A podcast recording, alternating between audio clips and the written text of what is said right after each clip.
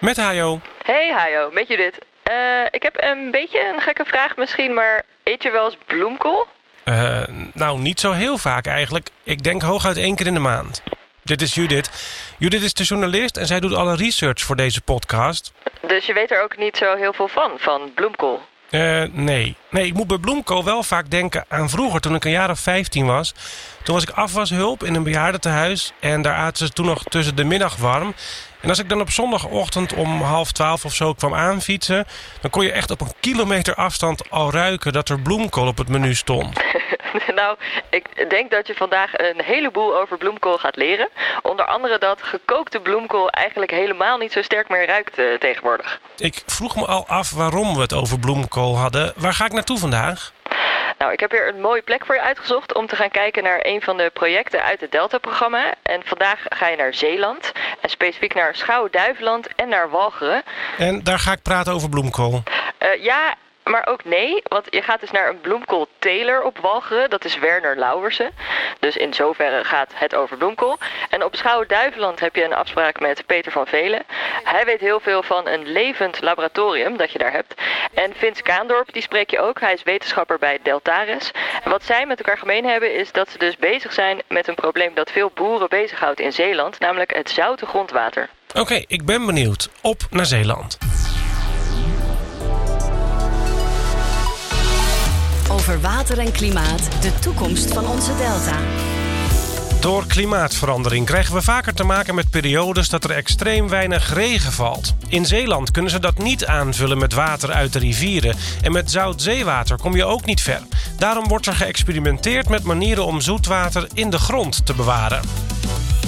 Wat doen we in Nederland om te zorgen dat we droge voeten houden? Hoe zorgen we voor voldoende water in droge tijden? Is Nederland voorbereid op een veranderend klimaat? Daarover praten we in Over Water en Klimaat, de podcast van het Delta-programma.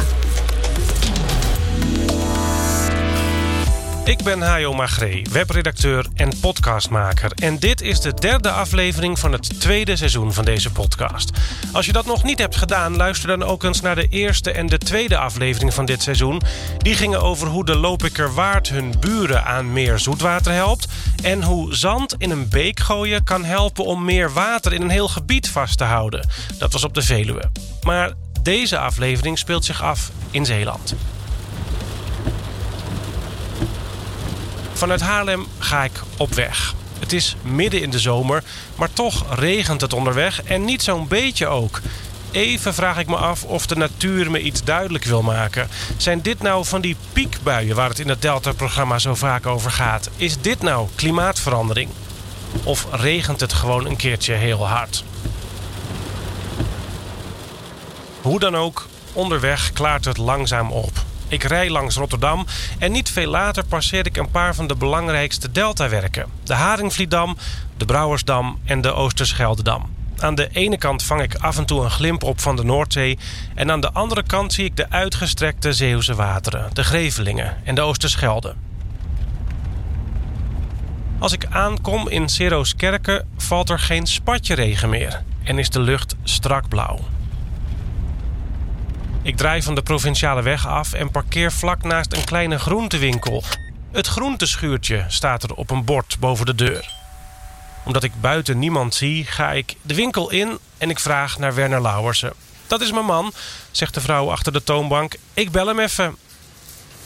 Werner komt er zo aan, zegt ze even later. En ze stuurt me naar een schuur een stukje verder op het erf. In die schuur staan de bloemkolen hoog opgestapeld. Ergens tussen het doolhof van kratten speelt een meisje van een jaar acht. Ik zoek Werner, zeg ik. Dat is mijn oom, antwoordt ze. Je moet daar gaan zitten. En ik neem plaats aan een stoffige tafel met een stel oude stoelen eromheen. Bodempjes koffie in witte plastic bekertjes, een half pak stroopwafels op de hoek van de tafel. Terwijl ik om me heen zit te kijken naar de bloemkolen, de lege kratten, de volle kratten, de kapstokken met werkkleding, het gereedschap, verdwijnt het meisje ergens tussen de verse oogst en van de andere kant komt Werner tevoorschijn. Hij is een lange man van een jaar of veertig met een vriendelijk gezicht. Hij loopt niet in een overal. Zijn werkkleding bestaat uit een oude spijkerbroek en een rode trui met een gat erin. In zijn oor bungelt een draadloos telefoonoortje. Ik ben uh, Werner Lauwersen en samen met mijn broer Henry drijven wij een tuinbouwbedrijf. En sinds januari zit daar ook een camping en een groentewinkeltje bij, boerderijwinkel. Hij neemt me meteen mee naar buiten. We lopen met grote passen naar de overkant van de weg... naar een akker vol met bloemkolen. Uh, we staan hier op uh, een van onze velden uh, waar bloemkool groeit. Die we in de komende tijd zullen gaan oogsten. Daar zie je de auto's rijden die vanaf de N57 ons mooie schone Walcheren binnenkomen. op dit moment is de vakantie een beetje voorbij. Maar het kan hier echt zwart zien van de vakantiehangers die hier komen kijken. En die rijden allemaal langs jullie bloemkolen. Hoeveel bloemkolen staan er ongeveer op dit perceel? Op dit perceel staan er ongeveer 200.000. En in totaal heb je er dan in een jaar ja, ruim een miljoen. Door het jaar heen uh, planten we eigenlijk uh, continu vanaf eind maart tot eind juli, begin augustus. En wij proberen te zorgen dat we dan vanaf half juni beginnen met oogsten en tot aan de kerst continu doorgaan. We proberen zoveel mogelijk elke week naar zoveel kool te leveren. Van tevoren weet ik niet wanneer de prijs goed is, wanneer de vraag goed is. Dus van tevoren moet ik proberen zo vlak mogelijk te leveren. En dat is bij uh, bloemkool een heel spannende gebeurtenis. En dat lukt bijna nooit zoals je het zelf wil. En waarom is dat spannend? Omdat bloemkool heel erg kan reageren op weer, zeg maar. Dus uh, ineens uh, tien dagen langer groeien of tien dagen korter, zeg maar. Dus dan kun je best wel eens een hoos krijgen van heel veel kool. Of juist een dipje van heel weinig kool. En dat probeer je te voorkomen door meerdere rassen te gebruiken. En meerdere percelen tegelijk. Uh, dus wij uh, oogsten niet één perceel achter elkaar leeg. Maar wij zijn meestal drie of vier percelen tegelijk bezig. Omdat de grondsoort ook echt bepalend is voor hoe een kool groeit, zeg maar. En welk bloemkoolras er nou precies op welk stukje grond groeit... houdt Werner nauwkeurig bij op zijn smartphone.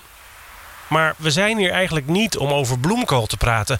Deze aflevering gaat eigenlijk over grondwater. Zoet, grondwater.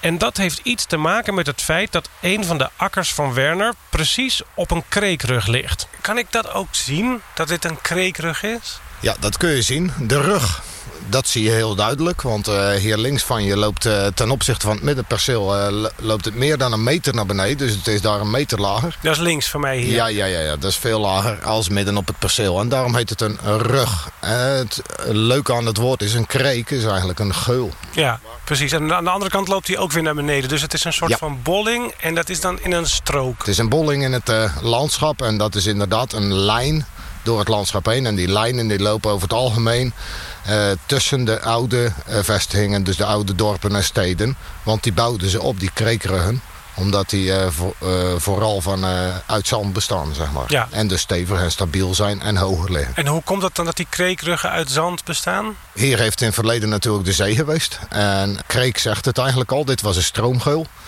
En die stroomgeulen die zijn verzand. Dat heeft te maken met stroomsnelheid. Bij uh, hogere stroomsnelheid heb je alleen de grove delen die naar beneden zakken. Dus uh, in de oude kreken ligt zand en daarnaast ligt klei, vaak op veen.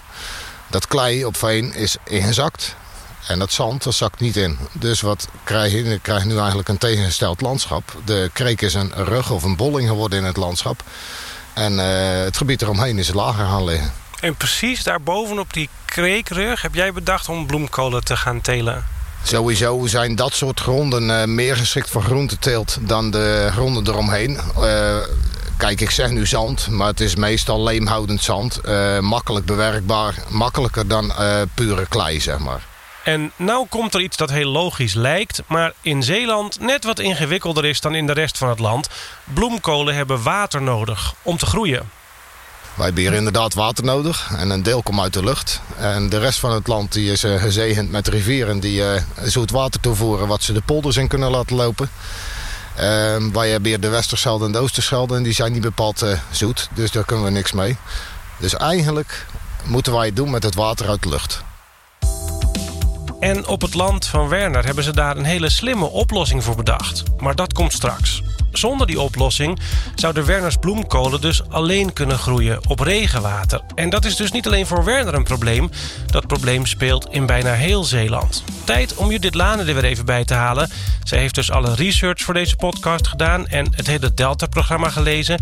Want daarin staan de oplossingen voor dit soort problemen, toch Judith? Ja, dat uh, klopt. Vaak is er dus meer zoet water nodig voor de landbouw dan er voorhanden is. En Werner die zei het al, daarom halen we op veel plekken in Nederland extra water uit de rivieren. Onder normale omstandigheden doen we dat al, gewoon bijna elke dag. Maar in droge perioden zit er dan soms niet genoeg water in de rivieren. En omdat het klimaat verandert en de verwachting een beetje is dat die droge periodes vaker voor gaan komen, moeten we in Nederland flink aan de slag om voor meer zoet water te zorgen. En allerlei maatregelen daarvoor staan inderdaad in dat Delta-programma. Maar in Zeeland moet dat probleem dan nog groter zijn, want daar hebben ze zelfs die rivieren niet. Ja, zeker. En in Zeeland zijn ze dus nog meer afhankelijk van regenwater en grondwater dan in de rest van het land. En met dat grondwater heb je in Zeeland weer extra probleem. Want als je dus te hard grondwater gaat oppompen, dan ga je zoutwater omhoog halen. En daar groeien die bloemkolen niet zo lekker op. Maar hoe lossen ze dat op dan? Staan er ook specifieke maatregelen voor Zeeland in het Delta-programma? Nou, er worden op dit moment vooral onderzoeken en experimenten gedaan. En dat wetenschappelijke werk is ook onderdeel van het Delta-programma. Daarvoor testen ze allerlei ideeën om te zorgen voor meer zoetwater in Zeeland. En die ideeën hebben vaak te maken met het beter vasthouden van water in natte tijden, zodat je het dus weer kunt gebruiken in droge tijden. In plaats van water in natte tijden direct naar zee af te voeren. Ja, precies dat. En daarom heb ik je ook niet alleen naar Werner Lauwersen en zijn bloemkolen gestuurd, maar ook naar Vince en Peter, want die zijn dus druk bezig met die experimenten.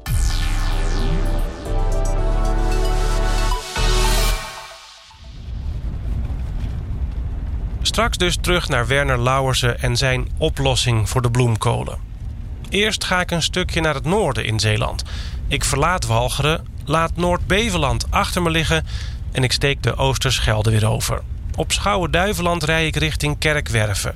Ik stop op een kruising tussen een dijkweg en een fietspad. Ergens tussen Kerkwerven en Schuddebeurs. De dijk ligt vrij hoog. Aan beide kanten ligt het land lager. Een afwisseling van grasland en braakliggende akkers... waar zo te zien graan op heeft gegroeid, zie ik aan de ene kant. En aan de andere kant bijna hetzelfde beeld. Gras en akkerland. Maar daar lijkt de braakliggende grond vetter, kleiachtiger, natter. Aan de horizon verspreide bomen... en hier en daar het oranje pannendak van een boerderij. Hier heb ik een afspraak met Peter van Velen. Hij heeft een adviesbureau dat steden helpt met klimaatproblemen op plekken waar land en water bij elkaar komen. Ik heb deze plek uitgekozen uh, omdat uh, je eigenlijk hier op de grens staat tussen een gebied wat eigenlijk nog helemaal zoet is. Hè, waar het zoete water in een, uh, in, een, in een bel aanwezig is. En een gebied wat zout is. En dat zie je eigenlijk aan de buitenkant nauwelijks. Hè, want als je hier dat landschap zou rondfietsen, rondlopen, zou je het verschil nauwelijks zien. Maar voor de boeren die hier zitten kan het een ongelooflijk verschil uitmaken of je net percelen hebt waarbij je gewoon zoet grondwater hebt en waar je kan, kan beregenen of percelen hebt waarbij het grondwater al zout is... waar het water in de sloten al brak is. Waarmee dus ook de boeren andere tilten zullen hebben... en ook andere rendementen zullen hebben. Dat lijkt dus nogal op de problemen waar bloemkolenteler Werner het ook over had. Nou, wat je, wat je ziet is Schouwen-Duiveland is eigenlijk een heel bijzonder uh, eiland... omdat er geen uh, externe wateraanvoer is. Schouwen-Duiveland is omringd door zoutwater, door uh, de Grevelingen en door de Oosterschelde. en heeft ook last van dat zoute water. Die zoute grondwater komt ook, ook omhoog en daardoor zijn er hoge zoute grondwaterstanden. Aan de oplossing voor dat probleem wordt gewerkt in iets dat een living lab heet. Peter is voor zijn werk als klimaatadviseur nauw betrokken bij dat Living Lab. Ja, een Living Lab is, er zijn natuurlijk heel veel definities uh, over. Maar eigenlijk heel simpel gezegd is het een samenwerkingsverband tussen uh, overheden, kennisinstellingen, uh, bedrijven, maatschappelijke partners. Die zich eigenlijk verenigen rond een maatschappelijk vraagstuk. die je eigenlijk niet meer in je eentje of als sector kan, kan oplossen. En waarom heet dat dan een living lab? Want ik moet toch aan een laboratorium denken. Ja. Nou, we zien eigenlijk uh, Schouwen-Duiveland, want dat is de, de plek waar we, het, uh, waar we het doen. Dat zien we als één groot uh, laboratorium waar we nieuwe werkwijzen gaan, gaan uittesten en ontwikkelen. Nieuwe werkwijze voor wat voor dingen dan bijvoorbeeld? En wat hier speelt is uh, eigenlijk de vraag van... kunnen we nou het hele watersysteem zo inrichten... dat we in een hele droge periode voldoende water hebben. Maar ook als het uh, toch weer extreem uh, regent... dat we dan ook voldoende water kunnen afvoeren. En dat er geen overlast is. En dat betekent hier op Schouwen... dat je echt een hele nieuwe manier van werken moet gaan ontwikkelen. Waarbij zowel het waterschap als de gemeente... maar ook de boeren, terreinbeheerders zoals natuurorganisaties... eigenlijk samen allemaal een stukje van het probleem moeten gaan oplossen. En dat, ja, dat kan eigenlijk alleen als je daarin ook gewoon intensief gaat samenwerken. Dus, even heel simpel samengevat... heel Schouwen-Duiveland is één groot openluchtlaboratorium... En de boeren en alle andere mensen die erin wonen en werken... die helpen mee aan experimenten met de bodem van Schouwen-Duiveland. Peter van Velen, die je net hoorde, organiseert een paar van die experimenten. Maar in een laboratorium heb je natuurlijk ook wetenschappers rondlopen. In dit geval onder andere wetenschappers van Deltares. Een kennisinstituut voor water en ondergrond, zoals ze zelf zeggen op hun website. En bij Deltares werkt ook Vins Kaandorp. Ja, we doen eigenlijk heel veel in, uh, in Zeeland. Uh, op het gebied van uh, zoetwatervoorziening en verzilting. En dan vooral vanuit het oogpunt van de ondergrond. Omdat we denken dat je de ondergrond kunt benutten in die zoetwatervoorziening. Vins is dus een van de wetenschappelijke onderzoekers voor het laboratorium Schouwen-Duiveland. Een van de experimenten waarbij Deltares betrokken was, heette de Freshmaker. Daarbij wordt dat zoete water dan eigenlijk opgeslagen onder een klei, kleilaag. En wordt er ook weer uh, brakwater of zoutwater onttrokken daaronder. En doordat je dan dat zout weghaalt, dat zoute grondwater, ja, maak je weer meer ruimte uh, voor dat zoete water om, om die plek eigenlijk in te nemen. Dus die is er ook op gericht dat je dan in de, in de winter, als er genoeg zoet water is, dat je dat water opslaat. En zodat je dat in de zomer weer kunt, kunt onttrekken. En een ander experiment had ook al zo'n mooie Engelse naam. Dat heette Drains to Buffer. En dat is een techniek waarbij je eigenlijk gaat spelen met je drainagesysteem. je kunt je voorstellen, zo'n drainagebuis die ligt op een bepaalde diepte. En op die diepte stroomt het water weg. Maar als je die nou bijvoorbeeld dieper gaat leggen, waar het ook wat zouter is, dan stroomt dus het water vanaf die diepte weg. En ja, kun je dus eigenlijk net dat, dat nog wat zoutere water wegpakken. En ga je ook weer die ruimte maken om, uh, om dat zoete water langer vast te houden en aan te laten groeien. Maar zoals dat gaat in een laboratorium, niet alle experimenten waren even succesvol. Nou, dat, dat uh, is uh, natuurlijk uh, ook een onderzoeksproject geweest. Dus daar gaan altijd dingen waar je tegenaan gaat lopen en die niet helemaal gaan zoals je verwacht. Um, en dat bijvoorbeeld bij die drainagetechniek zagen we dat we toch wel problemen hadden met, met hele dikke kleilagen. hele vette klei, zeg maar, die daar voorkwam. En dat je drainagesysteem dan minder goed gaat werken. Maar het voordeel daarvan is, uh, van zo'n pilot leer je dus weer. Dus uh, nou, vervolgens kun je je systeem daarop aanpassen. En uh, ja, gaan kijken van in welke situaties werkt het dan wel goed. En wat moet ik eventueel gaan aanpassen. En zijn er nou al dingen uit naar voren gekomen waarvan je kan zien aankomen... dat ze over 10, 20 jaar grootschalig hier worden toegepast? Nou, dat zijn eigenlijk dit soort technieken uh, die, die kunnen op grotere schaal worden gaan toege, toegepast. Um, misschien niet precies in deze vorm, maar ja, dat is gewoon heel erg afhankelijk van uh, het gebied. Hoe ziet de ondergrond eruit? Heb je zoetwater beschikbaar? Uh, maar ook bijvoorbeeld de bedrijfsvoering. Van hoeveel geld is er om te investeren in zo'n techniek? Want een hele technische oplossing is natuurlijk ook duurder dan een simpele oplossing als zeg een stuwtje. Uh, dus ik denk dat het een combinatie gaat worden van dit soort technieken. Allemaal gericht op ja, water vasthouden, zoveel mogelijk je zout kwijtraken, het zoete en het zoute water scheiden en water opslaan in bijvoorbeeld bassins of in de ondergrond. En dan is er in het laboratorium Schouwen-Duiveland nog een techniek die wordt onderzocht. Die heet kreekruginfiltratie. En daarvoor gaan we dan weer terug naar de bloemkolen van Werner Lauwersen. Weliswaar een paar Zeeuwse eilanden zuidelijker, maar ook op zo'n kreekrug. Op een natuurlijke manier verzamelen die al meer zoet water dan de gebieden eromheen. Uh, de reden daarvan is dat uh, een kreekrug hoger ligt en uh, is. Dus het zoete water, zoete regenwater zakt er makkelijker in. En als je een regenbui hebt, stijgt het grondwater tijdelijk veel hoger dan in het gebied eromheen. En drukt eigenlijk het zoute water, wat hier overal in de ondergrond zit, drukt het naar beneden. En zo kan de zoetwaterlaag wel tussen de 8 en de 20 meter dik zijn. En wij gingen erover nadenken, kun je het proces van die regenval niet versterken door zelf zoetwater extra toe te voegen. Dat idee hebben we uitgewerkt. Uiteindelijk zijn we dus inderdaad zoetwater gaan infiltreren. Klinkt heel erg onnatuurlijk, maar het is eigenlijk het versnellen van een natuurlijk proces... of het versterken van een natuurlijk proces. Dus die groei van die uh, strook zoetwater in die kreekrug... Uh, door de regenval die gaan we versterken door zelf nog extra uh, neerslag tussen aanhalingstekens toe te voegen. Ja, en dat neerslag komt niet uit de lucht vallen en het komt ook niet uit de drinkwaterkraan. Dat extra zoete water dat komt uit een zoete sloot hier. Wij gingen ervan uit, hier is alles brak. Zoals ik er net al zei, eigenlijk is heel de ondergrond brak en oppervlaktewater ook. Maar er zijn toch een aantal sloten zoet. Die ehm, komen vanuit de duinen. Duinen is, kun je zien als een extreme kreekrug. eh, die de zoetwater verzamelt en waar zoetwater afstroomt. Alleen, in het verleden is nooit gekeken... eh, wat doen wij met dat zoetwater. Dus dat verdween gewoon in bra- brakke sloten en dan was het niet meer zoet. Ehm, hier hebben we wel een zoete sloot die vanaf de duinen tot aan hier loopt, zeg maar. En in de winter voldoende zoetwater geeft om te kunnen gebruiken om te infiltreren eh, in deze kreekrug. Ja, en dat betekent niet dat je dat water uit die sloot op het land gooit. Want dan zou het land ook te nat worden. Maar je gooit dat er op een diepere laag in. Begrijp ik het zo goed? Ja, eh, dat op het land gooien zou we in de zomer best wel willen, maar dan is het slootje droog. En juist om dat probleem op te lossen, dus in de winter hebben we een overvloed aan water. Dat zetten we naar de zee normaal gesproken. En twee, eh, drie maanden later roepen we, we hebben te droog. Eh, dus eh, in de winter pomp je dat eh zoetwater uit die sloot in een ehm, drainagesysteem. Het klinkt tegenstrijdig, want drainage zegt water uit de grond halen. Maar een netwerk van geperforeerde buizen eigenlijk, wat hier onder de grond ligt. 7 hectare groot. En eh, daar pomp je zo lang in totdat het niveau van het grondwater tot eh 60 centimeter, 50 centimeter onder maaiveld is. En dat kun je meten.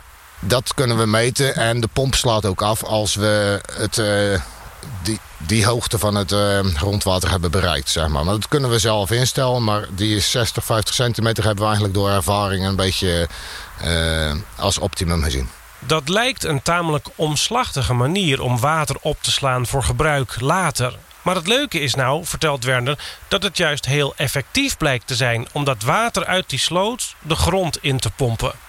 In principe, als je je grondwaterniveau 1 centimeter hoger zet, continu... dan zou die eh, grens tussen zoet en zoutwater, dus de bel... zou 40 centimeter dieper moeten gaan liggen. Dus een groei van 40 centimeter. Of in de woorden van wetenschapper Vins Kaandorp van Deltares... Want je moet het zien, zo'n zoetwaterlens, die ligt in een zout landschap. Ehm, en dat is eigenlijk net als een ijsberg. Dus je hebt bovenin een kleine verhoging van je grondwaterstand in zo'n kreekrug. En een grote bel die daar ook onder hangt, eigenlijk in dat, ja, die drijft in dat zout. En net als een ijsberg heb je dus een klein stukje van het zoete water wat boven, bovenaan ligt. En een heel groot stuk wat daaronder ligt. En die verhouding is theoretisch gezien dan eh, ongeveer 1 op 40. En dat betekent dus dat als jij je grondwaterstand 10 centimeter kunt verhogen door infiltratie, dat je aan de onderkant ongeveer 4 meter zoetwa of zoetwater kunt gaan aangroeien eigenlijk. Dus da- daar is dat systeem op gemaakt. Dus je gaat aan de bovenkant water infiltreren. En dat kun je dan via een dieptrain kun je dat eh, in de zomer gaan gebruiken. En uit de metingen in de praktijk blijkt ook eh, dat dat werkt. eh, op die manier. En eh, vooraf waren wij natuurlijk best wel cynisch van... Kan dat, dat is wel heel extreem, kan dat wel. Dat betekent natuurlijk niet dat je 1 centimeter hoger en morgen is eh, je zoet-zoutgrens 40 centimeter lager. Het gaat uit van een evenwichtssituatie. Dus lang volhouden en dan zakt hij daar langzaam aan naartoe. Ja, dan heb je enorm veel meer kubus zoet water tot je beschikking... die wij dus in de zomer dan weer eh, extra kunnen gaan gebruiken. kunnen gaan gebruiken. In de toekomst dus. Want ondanks dat ze al een paar jaar bezig zijn extra zoetwater in te brengen in die kreekrug, mag Werner dat extra water er op dit moment nog niet uithalen. Eh, daar zit nog een heel verhaal aan. Wij zullen dat in de toekomst mogen. En eh, samen met het waterschap en de provincie, zeg maar, eh, moet er beleid ontwikkeld worden waarbinnen je borgt dat het kan zonder dat je naar de toekomst eh, zorgt voor een slechtere situatie in de ondergrond. En eh, dan moet je aan meerdere dingen denken. Dat betekent eh, infiltreren aan welke kwaliteit moet het water voldoen. Maar ook als ik bijvoorbeeld, en dat zijn de echte cijfers, 30.000 kub per jaar in de grondpomp. Kan ik dan die 30.000 kub eruit halen? Dat zou niet logisch zijn. Of is dat, hoeveel procent daarvan is dat dan? Hoeveel procent zit er dan nog in de grond en kan ik er daadwerkelijk uithalen? En, en als je het op gaat pompen, ehm, veroorzaak je dan niet dat het bij de buren veel droger wordt, bijvoorbeeld? Het leuke is eh, dat wij hier een eh, samenwerking hebben van eh, zeven agrariërs. Een gebied van rond de 300 hectare. Waarin wij naast die infiltratie nog veel meer uitzoeken. En wij hebben een netwerk van, ik meen zo'n 30 sensoren die de grondwaterstand meten. En aan de hand daarvan kunnen we nu ook zien van als je nou grondwater oppompt, wat doet dat met de omgeving? En voorlopig ehm, is mijn persoonlijke conclusie dat het effect marginaal is, zeg maar. Echt, ehm, de meeste onttrekkingen uh, daarvan stopt het effect uh, bij de perceelsgrenzen, bij de slootgrenzen, zeg maar. En zo wordt er dus een heleboel getest, gemeten en berekend in Zeeland. Allemaal om uit te zoeken welke technieken nu en in de toekomst kunnen gaan zorgen voor meer zoetwater. Voor als het straks vaker droog is. Nog even terug naar Peter van Velen van het Living Lab op Schouwen-Duiveland. Nee, kijk, Zeeland uh, is, is natuurlijk wel bijzonder. Hè, in de zin dat je hier ook te maken hebt met verzilting. En omdat je hier te maken hebt met een situatie waarbij je soms gewoon geen aanvoer van zoetwater uh, hebt. Hè. Dus uh, wat je hier op Schouwen-Duiveland hebt, maar ook Noord-Beverland. Een aantal andere plekken in Zeeland. Maar in, in het algemeen kan je zeggen dat heel Nederland bezig is om opnieuw uit te vinden hoe je je watersysteem moet inrichten omdat we overal zien dat je extreme regenval moet kunnen hebben. Dus je moet dat water ook weer weg kunnen, kunnen, kunnen, kunnen brengen. Maar een aantal weken later heb je het allemaal weer nodig. En dan heb je, het, uh, heb je weer last van verdroging en droogte. Dat zie je in de Achterhoek, zie je op de zandgronden. Je ziet het op de Veluwe. Dus overal zijn partijen bezig om dat watersysteem veel meer bufferend te laten zijn. En veel robuuster te laten, laten worden. Nou, die transitie, daar, daar maakt Zeeland ook een onderdeel uit. Peter kan iedereen aanraden om zo'n levensgroot laboratorium te beginnen. Ik denk dat de Living Lab aanpak, die is natuurlijk niet uniek voor Schouwen-Duiveland. Dus ook op andere, andere plekken is dat nu in ontwikkeling. Maar wat ik hier wel zie, ik zie wel echt de kracht ervan. dus de, er is een hele goede samenwerking nu aan het ontstaan tussen de boeren, tussen waterschap, gemeente. De provincie is er ook bij. Er zijn experts bij betrokken. Er zijn ook uh, partijen vanuit de keten, hè, dus adviesketen hebben we er allemaal bij. Dus ik denk dat dat heel sterk is. En dat is ook uh, wat mij mij betreft een soort blauwdruk ook voor heel veel andere gebieden. Uh, maar nogmaals, ook op heel veel andere gebieden wordt er ook al op dezelfde werkwijze nu uh, geëxperimenteerd. En uiteindelijk zou het natuurlijk prachtig zijn als er helemaal geen living lab meer nodig is. Nou, wat mij betreft is het geslaagd als, uh, als er op een gegeven moment een samenwerkingsverband staat. Hè, tussen boeren, tussen het waterschap en de gemeente. Die eigenlijk geen living lab meer nodig heeft.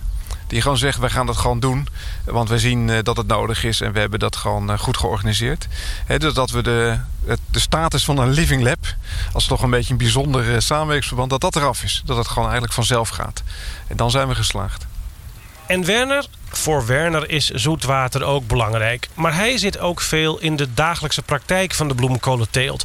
Want het is arbeidsintensief werk hier gaan we dus doorheen. Uh, dan loopt de, de, wagen die rijdt door de pad. En er hangt een uh, oogstband, een lopende band over het gewas heen. En de snijers die lopen erachter. En uh, met de hand snijden ze eigenlijk de kolen die aan de maat zijn eruit.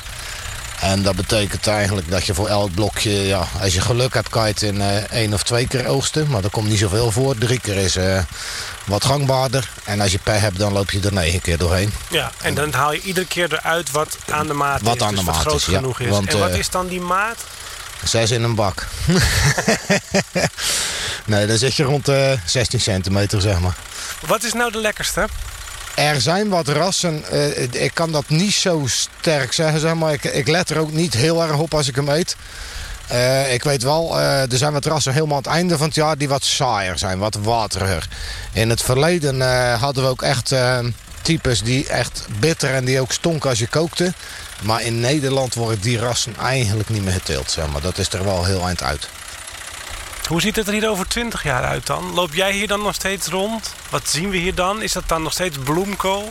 Over 20 jaar ben ik 64. Dan hoop ik hier zeker nog rond te lopen. Ik hoop dat ik dan wat minder uren werk. uh, maar ik denk wel dat ik nog op dezelfde manier kan genieten van, uh, van de teelt. En uh, ja, dat de waterbeschikbaarheid enorm is uitgebreid. Ja.